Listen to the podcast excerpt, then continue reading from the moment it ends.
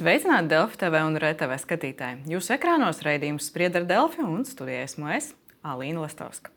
Drošības un ilgspējas budžets - tā vakar valdība apstiprināto nākamā gada budžeta projektu devē pati koalīcija. Savukārt fiskālās disciplīnas uzraugi brīdina par vairākiem riskiem nākotnē, nu, piemēram, populisma pieaugumu politiskajā diskursā. Vai valsts budžeta balsojums saimā būs pārbaudījums jaunajai koalīcijai? Par sadarbību ar valdības partneriem un arī citām aktualitātēm. Šodien runāsim ar ministru prezidentu Eviku Siliņu no Jaunās vienotības. Sveicināti! Labdien! Un sāksim ar budžeta projektu. Tad rīt to iesniedz saimā. Cik plašas iespējas deputātiem būs kaut ko mainīt šajā projektā vai pašā budžetā, tās dēvētās deputātu kvotas, par ko mēs daudz runājam jau iepriekšējos gados, kaut kas pavadošajos likumprojektos, cik daudz dodat brīvību saviem koalīcijas partneriem saimā? Koalīcijas partneriem brīvība, manuprāt, bija gan liela, bet labā ziņa, ka šajā koalīcijā mēs vienojāmies veidojot valdību par valstiskajām prioritātēm, kas šajā brīdī bija tātad iekšējā ārējā drošība, veselība, izglītība Un uh, par pārsteigumu varbūt uh, arī uh, iepriekšējiem koalīcijas kolēģiem, kas šobrīd ir opozīcijā, mēs arī izpildījām šo vienošanos un vienojāmies par valstiskas nozīmes prioritātēm arī budžetā, neizvirzot primāri un tādā priekšplānā katras nozares prioritātes, kā tas vienmēr bija iepriekš. Beigās budžetu nedaudz saplosot un nevarēja īsti saprast, kas tad ir tās galvenās lietas, par ko valsts iestājas. Tad Par visu svarīgāko vienošanās jau ir. Tad nekādas deputātu papildu tēriņa budžetā nebūs starp lasījumiem. Deputātu kvotu nebūs, un es arī neplānoju deputātu kvotas. Bet tas, kas būs noteikti arī, e, un tā debata sākās arī saimā un sabiedrībā šobrīd, ir jautājums par pievienotās vērtības nodokļu dārzeņiem.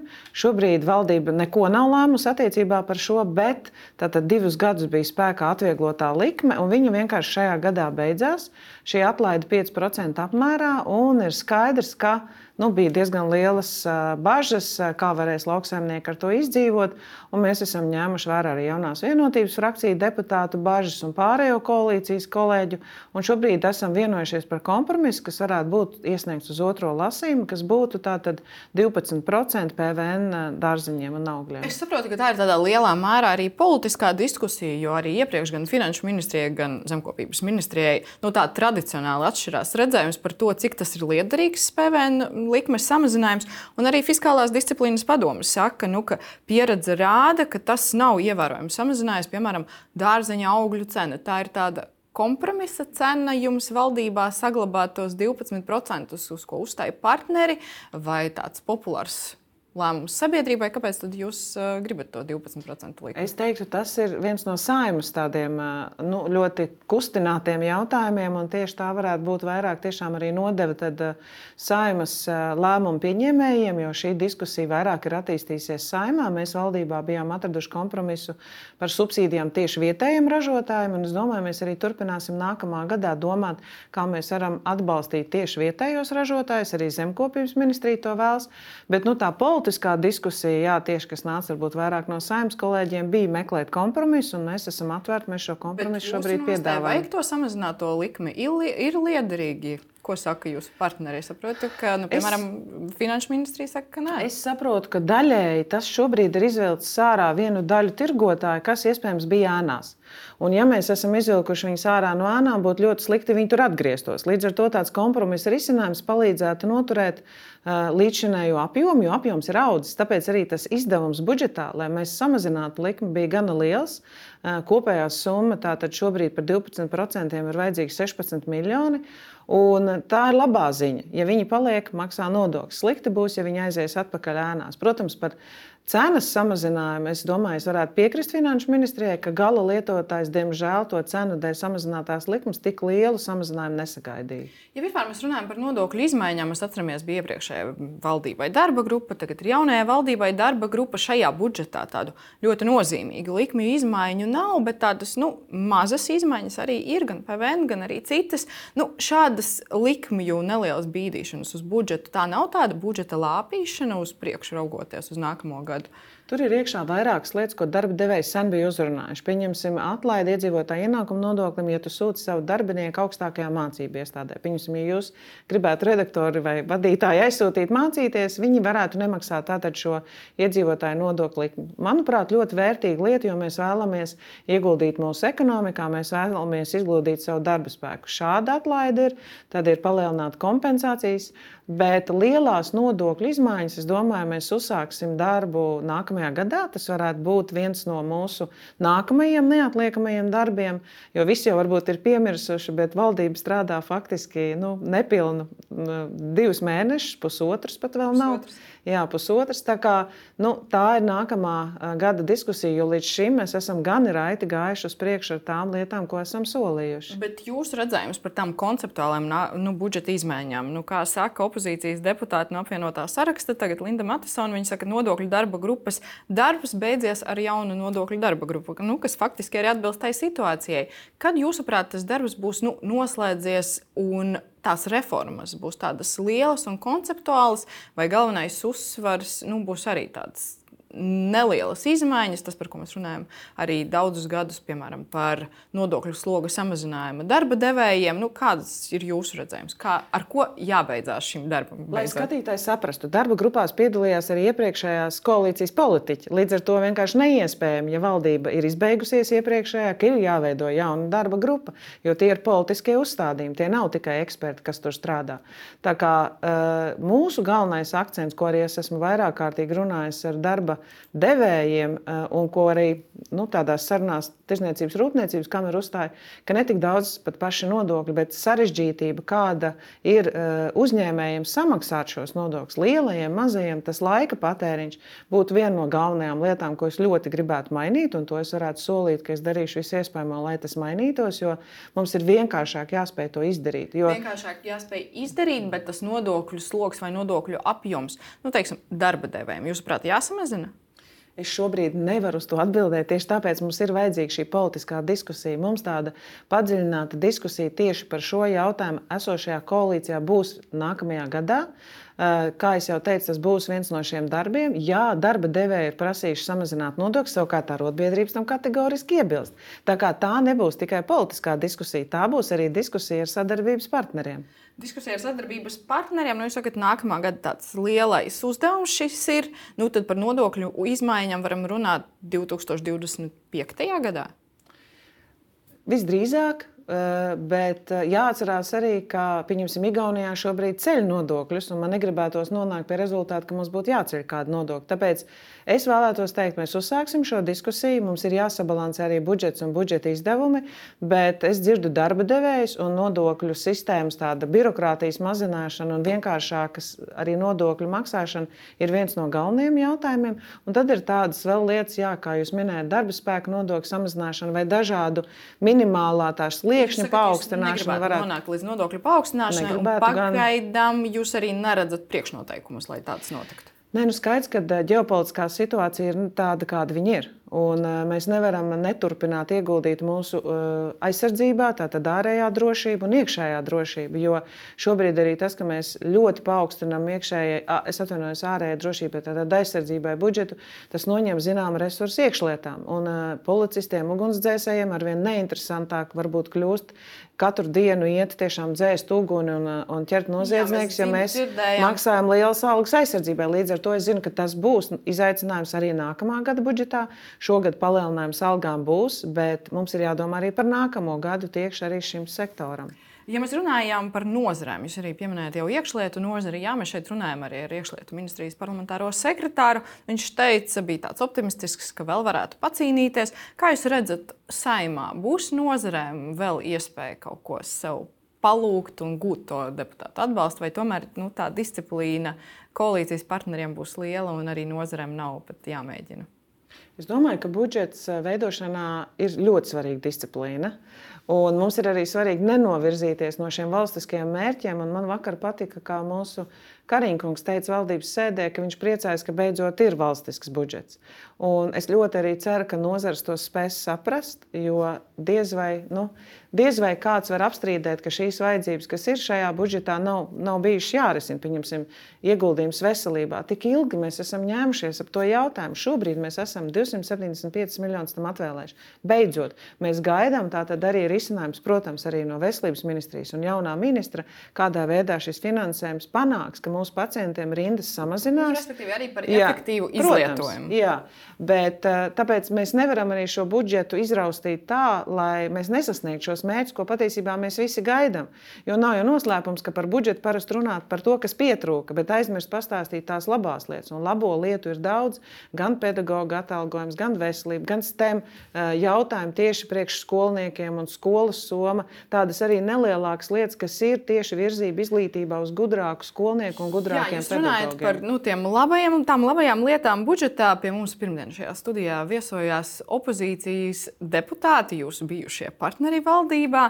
Edgars Tavars bija nu, ļoti kritisks par budžetu un noklausīsimies, ko viņš ir teicis un tam līdzīgi. Nu, vienotība ļoti skaisti tika pastrādājusi. Attiecīgi, absolūtāko lauvas tiesu savām atbildības um, nozarēm, um, novirzot um, šo finansējumu no papildus jaunajām iniciatīvām. Nu, tā kā ar atrāvienu maziem pastarīšiem, progresīviem un, un ZZS, nu, tur faktiski, faktiski tās nozares nu, salīdzinoši neattīstīsies tā, kā viņām vajadzētu nozares neattīstīsies, kas ir partneru pārziņā, piekritat Tavara kunga vērtējumam? Es domāju, ka sadarbības, iepriekšējiem sadarbības partneriem vienkārši nu, viņi kritizē to, ka mēs pildām savus solījumus.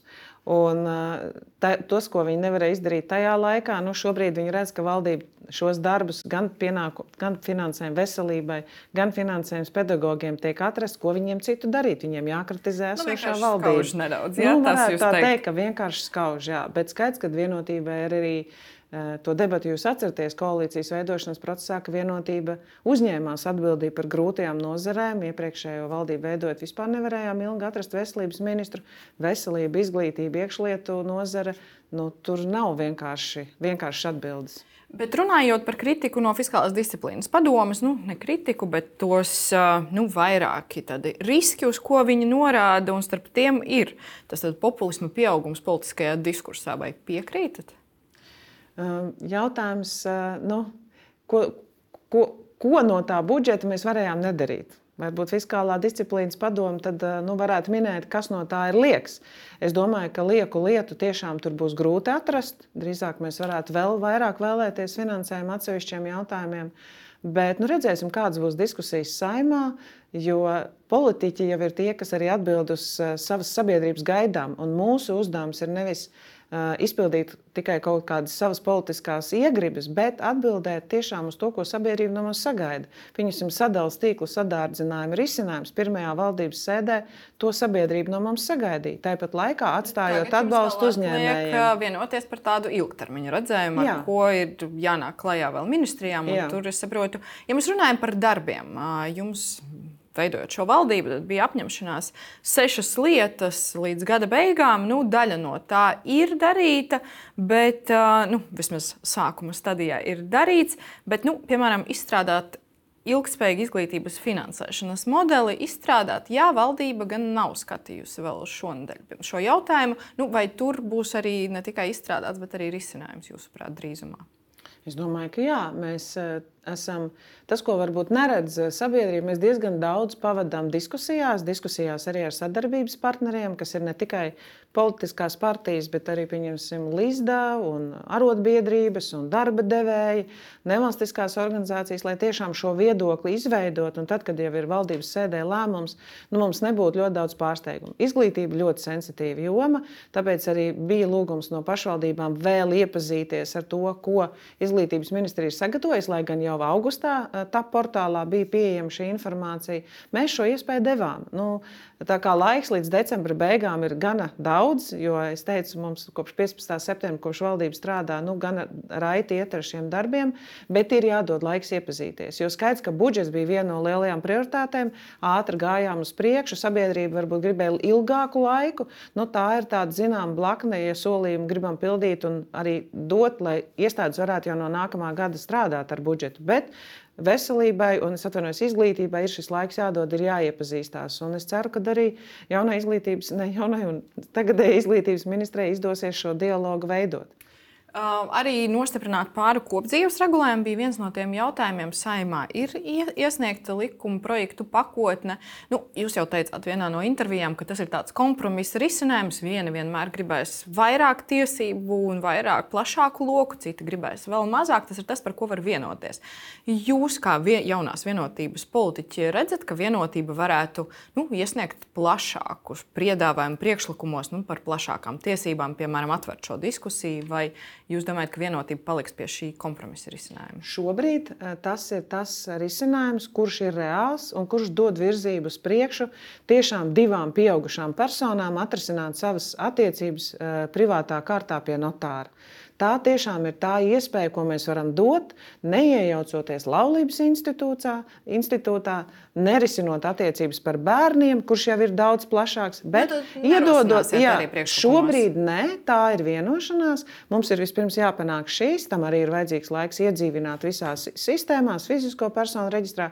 Es domāju, tas jau būtu solis vismaz virzītājs uz priekšu, bet nepalikt pie, nu, jāsaka, prokremlieniskiem eh, terminiem, ja, ka tas ir kaut kas pret demokrātiju vai pret vērtībām, pret mūsu satversmi. Es domāju, tas ir svarīgi, jo viena liela daļa mūsu sabiedrības to ļoti gaida, un īpaši jaunieši. Īpaši jauniešiem nav skaidrs, kāpēc mēs nespējam juridiski neiejaucoties nu, cilvēku šo, un tad raudzīsimies, kā tad būs protams, saimnes balsojums, kā tas strādās protams. praksē, un tad iespējams būs arī plašākas debatas nu, kādreiz jā, nākotnē. Bet šobrīd es domāju, tas tiešām būtu daudz, ja mēs to varētu izdarīt, jo līdz šim tas nav izdevies.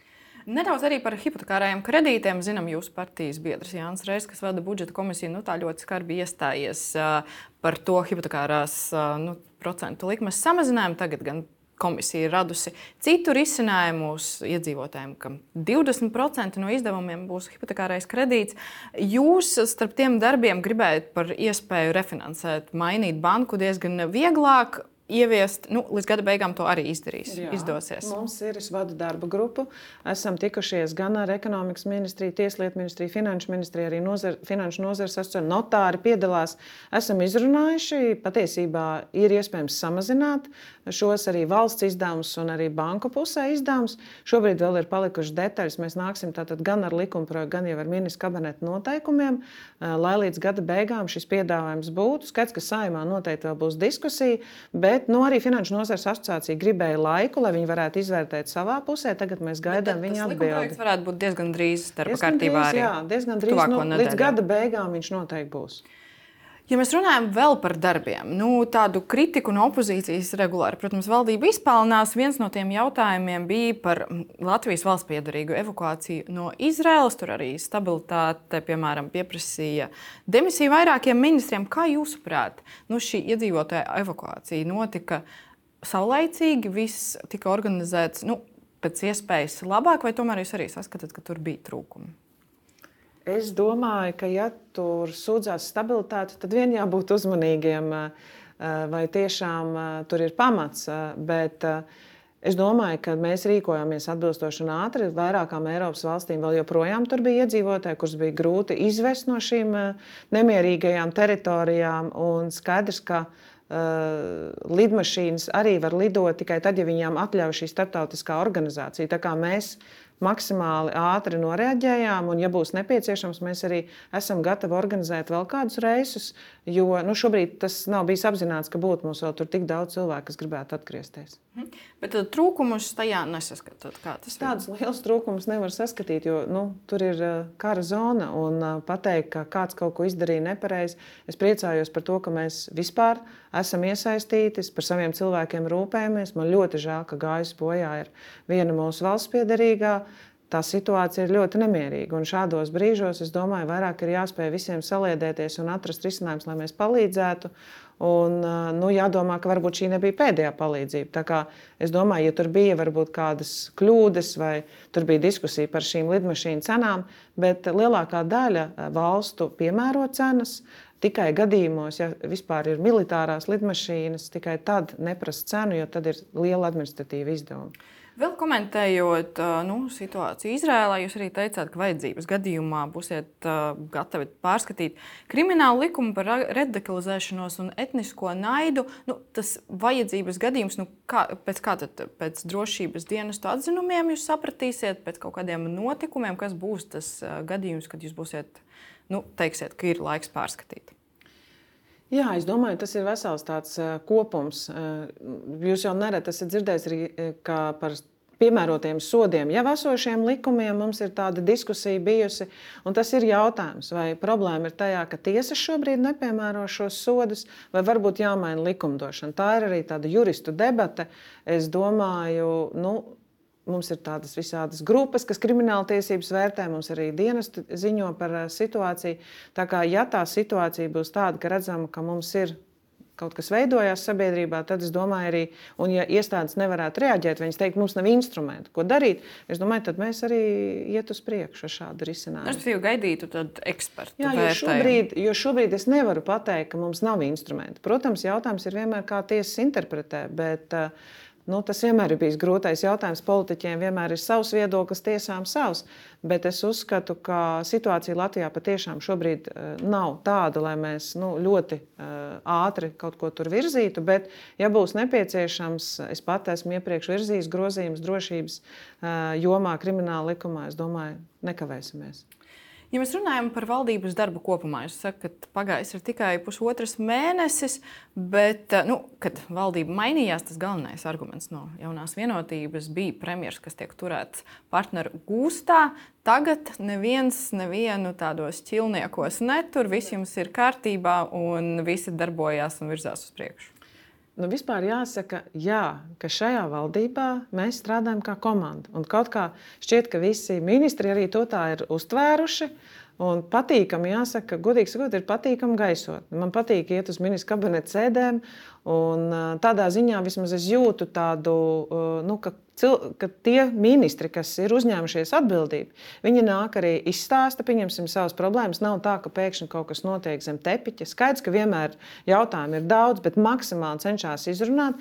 Man liekas, tāda atklāta diskusija, kas mūsu vidū ir ļoti ir veicinoša, tiešām, lai mēs nevis parādītu tādas iekšējās ķildes, bet strādātu uz tiem jautājumiem un atbildētu sabiedrības vajadzībām. Kā jau teicu, mēs pieņemam sadalījuma tīklu, sadārdzinājumu kompensāciju, mēs ejam šobrīd ar partnerību drošības jautājumi. Mums ir arī Stambulas konvencija, kas desmit gadus nebija pieņemta. Ir vairāki cilvēki, kuriem nav pieredzes darbā ministru amatā. Kā jūs vērtējat, visiem izdodas tikt galā? Nu, Kā kuram? Eh, katram ir arī cita nozare, un nozares atšķirīgas. Es domāju, ka, protams, ir pieredzējušāki ministri, kas uzreiz varēja ielikt savā darbā. Ir ministri, kuriem vēl ir varbūt nedaudz jāiešūpojas. Es domāju, grūtākais ir tās publiskās diskusijas. Un, eh, nu, Es, dosim, es domāju, dosim viņiem laiku. Uh, nav arī tā, ka es justu, kā iepriekšējā valdībā bija, ka tiešām jautājumi vienkārši nevirzījās uz priekšu. Visu laiku bija kaut kādas atrunas un iemesli, un tad uh, publika skatījās un cilvēki brīnījās, ar ko mēs viens ar otru nodarbojamies vairāk nekā ar tiem jautājumiem, kas tiešām mums bija jāatrisina. Man patīk tas, ka mēs esam solījuši, un mēs varam parādīt, ka mēs to risinām. Tad man šķiet, mēs arī tiešām varam atbildēt saviem uh, sabiedrībai, Latvijā, vēlētājiem, ko tad mēs darām. Nevis mēs viens ar otru tur strādājam, bet strādājam uz tiem jautājumiem viņi nav viegli. Tie jautājumi, kas mums ir dienas kārtībā, patiešām nav viegli. Viens no tādiem jautājumiem, kas nu, piesaistīja tādu plašu arī uzmanību, bija nacionāla drošības koncepcija un sabiedriskie mēdīji. Krievu valodā tur bija termiņš 2028. gads, kad nu, jāpārstāj finansēt sabiedriskie mēdīji Krievu valodā. Kā tas progresīvie, kas vada kultūras ministriju un atbild par mediju politiku, saka, nu, ka tādam termiņam viņi nepiekrīt. Kā tad gadījās, ka šīs dokuments tika izvirzīts uz priekšu? Tā nebija tā, ka partneri vienkārši nepamanīja šo termiņu. Nē, nu skaidrs, ka uh, liela daļa dokumentu ir sagatavota iepriekšējās valdības laikā. Nav noslēpums, ka nu, tā ir realitāte. Un tik strauji uzsākot darbu, ir jārēķinās, ka liela daļa arī politisko uzstādījumu varbūt ir atbilstoši tā laika politiskām partijām. Tā kā es neatkāpjos no tā, ko es teicu. Protams, termiņš ir tātad koncepcijā nolikts, bet lai SEPLP kopā ar saimnes tagad izveidoto apakškomisiju vērtē, kas ir tie riski, plusi un mīnusi. Ja kaut kas tāds, tāds tiek darīts, kā koncepcija paredz, es domāju, mediju pamatnostādnēs var arī šos risinājumus atrast atrast, neskatoties uz to termiņu, kas ierakstīts, tad jūs teiktu, jūs paliekat pie tā, ka 2026. gads nebūs. Tas... Es nevaru pateikt, ne jā, ne nē. Tā kā tas vairāk pat šobrīd ir saimnes jautājums, un saimne ir uzņēmusies arī tādu iniciatīvu eh, apakškomisijā vērtēt, un CEPLP noteikti ir labāki eksperti varbūt pat par mani. Es domāju, es paļaujos arī uz viņu izvērtējumu, jo ir jāvērtē riski, kas notiks tad, ja šī mēdīja daļa aiziet, kas piepildīs ēteru. Un eh, ja mums vispār pazūd sabiedriskie mēdīji Krievu valodā, vai tad mēs mēs būsim drošāki. Savukārt, ja mēs arī turpinām finansēt mēdīs Krievijas valodā, arī viena uh, sabiedrības daļa nav apmierināta. Jautājums, kur ir plusi un mīnusi? Nu, to tad, tad vērtēsiet. Jūs sakāt, runāt par tiem gadījumiem, kad juristi strīdās, vai ir iespēja piemērot kaut kādu regulējumu, vai tiešām regulējumus ir nepietiekams. Nu, mēs atceramies visi pirms pusgada slepkavību Jēkabpilī. Jūs bijāt labklājības ministrija un arī studijā šeit komentējāt šo situāciju. Es gribētu noklausīties vienu no fragmentiem. Tas, kas mums ir visiem šeit jāsaprot, un es arī varu uzņemties politisko atbildību, ka es neesmu spējis aizklāvēties, līdz politiķu durvīm, līdz vīriešu tā skaitā durvīm, ka sievietes, kad saka, ka viņas tiek vajātas vai viņas tiek aiz, aizskārtas, it sevišķi no savu dzīves biedru puses, tas netiek uzskatīts gana nopietni, bet tas fakts ir, ka nevis kontrabanda, nevis organizētās grupas, nevis slepkavības, kas ir pasūtījumi, tādas ir trīs bijušas pagājušā gadā, bet 75% no viss ir izdarīts mājokļos. Un man šķiet, tas, ka es arī saprotu, ka resursi ir ierobežots policijā. Es esmu bijis arī, eh, es saprotu tās, tos izaicinājumus, bet mums ir visiem. Nu, Šobrīd tajā situācijā jāatzīst, ka mēs visi esam zināmā mērā kapitulējuši. Mēs esam izgāzušies. Kat Kapitulējuši mēs esam izgāzušies, politiskā atbildība, tie bija jūsu vārdi. Jūs arī pieminējāt, ka jūs nevarējāt aizklauvēties līdz politiķu durvīm kaut kādu jautājumu risināšanai. Tagad, kad jūs esat premjera, jūs varat aizklauvēties līdz visām durvīm, lai risinātu tos jautājumus, kuri jums šķiet būtiski. Labs jautājums. Pirmkārt, Stambulas konvencijas ratifikācija valdībā ir viens lielais politiskais uzstādījums, par kuru es tur runāju. Jo tā ir politiķu tāda vēlmes un gribas apliecinājums. Un, manuprāt, šajā koalīcijā, šajā valdībā ir griba. Tas ir daudz. Un, sākot ar to, protams, mēs arī varam prasīt tālāk, ko tad dara policija, ko dara tiesas. Mums būs arī nākamā noziedzības novēršanas sēde, kurā tieši būs jautājumi par vardarbību. Policija šobrīd beidzot arī uzskaita šos jautājumus savādāk. Par vardarbību. Vardarbība skaidrs, ar to ir jācīnās. Tas nav jautājums. Jautājums, vai to mēs darām preventīvi, vai mēs darām postfaktum kaut kādas lietas. Un šīs gadījums, diemžēl, apliecina, ka politiķi reaģē arī ļoti bieži postfaktum. Vai tagad mēs varam risināt problēmas preventīvi? Jūs ieskatāt arī citas cik tas būs manos spēkos. Jo no premjera prasa daudz, es esmu daudz arī gatava darīt, bet es esmu arī tikai cilvēks. Un viens cilvēks. Un cik es varu, es noteikti arī šos jautājumus neatstāšu novārtā. Eh, es eh, tiešām ļoti nu, šajā jomā uzskatu, ka mums ir arī man, arī kā sievietei, ir jābūt kā priekšā ar risinājumu. Man jāatzīst, ka tas, ka mēs izmaksājam kompensāciju Jēkabils traģēdijā cietušiem, protams, ir cīņas ar sekām, bet, manuprāt, vismaz mēs arī parādījām savu atbildību, ka mēs to esam gatavi atzīt. Par atbildību runājot, jūs arī pieminējāt vārdus. Politiskā atbildība, nu tā politiskā atbildība, tad kļūdas atzīšana.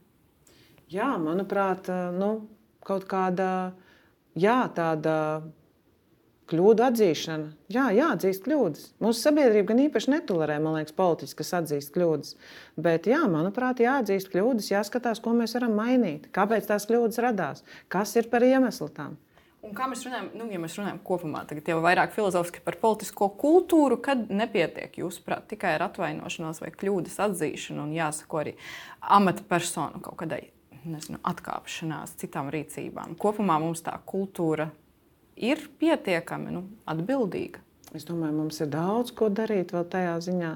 Jo nu, nav noslēpums, ka mēs esam bieži gaidījuši, lai mums ir krimināls sots vai kaut kāds tāds notiesājošs spriedums, kad mēs tikai reaģējam. Manuprāt, bieži vien politiska atbildība nozīmē, ka mēs politiski arī nu, uzņemamies šo atbildību, bet otra lieta ir, kad arī vēlētāji izvērtē. Un tātad nu, šādu politiķu, ja viņš nav izdarījis secinājumus, nu, neievēlē, pieņemsim, Reizeknes. Uh, domas stāsts vai Reizeknas mēra Bartaševica, nu jau bijušā stāsts. Ja? Jautājums, vai sabiedrība spēs politiski novērtēt to, ka viņš nav vispār saplānojis budžetu saviem darbiniekiem? Nu, tas ir jau cits stāsts par jūsu nu, oponentiem, teiksim tā, bet uh, vēlreiz atgriežoties pie valdības darba, ja jūs sakat, ka viss virzās uz priekšu, sadarbība ir laba, nu, mēs mēdzam prasīt politiķiem, nu, kādu atzīmi viņi savulaik. Tad jūs sev liekat, tad izcili pastrādāts šajā Nē. pusotrajā mēnesī mēnesī? Es nezinu, lai to vērtē sabiedrība. Man grūti tā novērtēt. Vienmēr gribētos labāk, bet es teiktu, ka mani priecē tas, ka ir strādāt griboši ministri. Un eh, tas, ka viņi grib strādāt, un viņi ir arī gatavi ātri, daudz apjomu izdarīt, un tas, ka lietas virzās uz priekšu, ir daudz, un ka mēs netik daudz cīnāmies viens ar otru, bet tiešām esam gatavi arī nolikt savas tās ambīcijas. Ir, kā apvienotais saraksts nolēma nepievienoties koalīcijai. Nezinu, varbūt. Atgriežoties pie apvienotās saraksta, Edgars Avaram bija daudz kritikas, un viņš arī runāja par to, nu, kādas prioritātes, kurš nosaka teiksim, tā, toni jaunajā valdībā. Valdību de facto un prioritātes nosaka valsts prezidents Edgars Rinkevičs. Tas ir absolūti skaidrs redzams, un arī prioritātes, ko viņš uzliek valdībai, viņš redz, kā viņi gribot, negribot, viņi mēģina viņas realizēt. Tieši tāpat kā šīs valdības arhitekts ir Edgars Rinkevičs. Tā uzskata Edgars Tavars. Ko jūs viņam atbildētu, Simons Kundze? Man viņu ir žēl, viņš dzīvo stereotipos un mītos. Un tas laikam bija viens no galvenajiem iemesliem, kāpēc mēs nevarējām izveidot ar viņiem kopā šo valdību. Viņš šo iespēju ir palaiduši garām. Viņi izvēlas dzīvot stereotipos un mītos. Nu, ko lai es saku, man žēl. Tāpēc arī ir greizsirdība par to, ka šī valdība dara. Un tie mīti, ko viņi izplatīja, nepiepildās. Jūs arī runājot par budžetu, tikšanās bija paredzēta vismaz ar opozīcijas deputātiem. Nu, kā jūs redzat, tā sadarbība var būt konstruktīva ar bijušajiem partneriem, ar pārējiem opozīcijas partneriem? Jā, vakar tikos arī ar opozīcijas deputātiem, arī pozīcijas, budžeta komisijas deputātiem saimā. Manuprāt, mums bija konstruktīva tikšanās. Kādam varbūt ir iznāca kāda emocionālā sāpe ārā, vairāk nekā varbūt konstruktīva risinājuma. Tiešām, kas valstī kopumā, kā Latvijai būtu jādara, lai mēs augtu, mūsu ekonomika augtu. Bet es domāju, ka tāda cieņpilna vienam ar otru saruna ir jebkurā gadījumā vajadzīga. Es esmu gatava arī uzklausīt kritiku. Par kritiku un priekšlikumiem opozīcija arī sola iesniegt daudz priekšlikumus budžetam, kā tas ir ierasts. Nu, ir vērts ieklausīties koalīcijā kādos no tiem. Jā, vakar Nacionāla apvienība teica, ka kaut ko vajag vairāk demogrāfijai. Apvienotais saraksts prasīja, kā tiks iztērēts veselības finansējums. Un Latvija pirmajā vietā vēlējās vairāk investīcijām un uzņēmējiem atbalstu. Visu atceros. Bet vai ir iespējas šīm atvēlēt vairāk līdzekļu? Šajā budžetā Atbildēja jau Nacionālajai apvienībai, ka demogrāfijai mums ir risinājumi. Mums ir atbalsts bērniem un asistentiem, arī bērniem ar īpašām vajadzībām, arī bērnu aizsardzības inspekcijas reorganizācijai. Tas būs tieši atbalsts arī demogrāfijai, jo demogrāfija nav tikai, lai bērni piedzimtu, bet rūpes arī par esošiem bērniem. Un, manuprāt, šajā budžetā atbildes ir gana daudz. Tāpat arī demogrāfija rūpes par senioriem, un mēs esam izpildījuši solījumu par piemaksu par darba stāžu atjaunošanu, ko 12. gadā pārstrāja. Man atbildes ir jautājums, kā uz viņām skatās. Ja grib ieraudzīt tikai to savu lietu, tad ir tas, kā es teicu, kā iepriekšējā valdībā.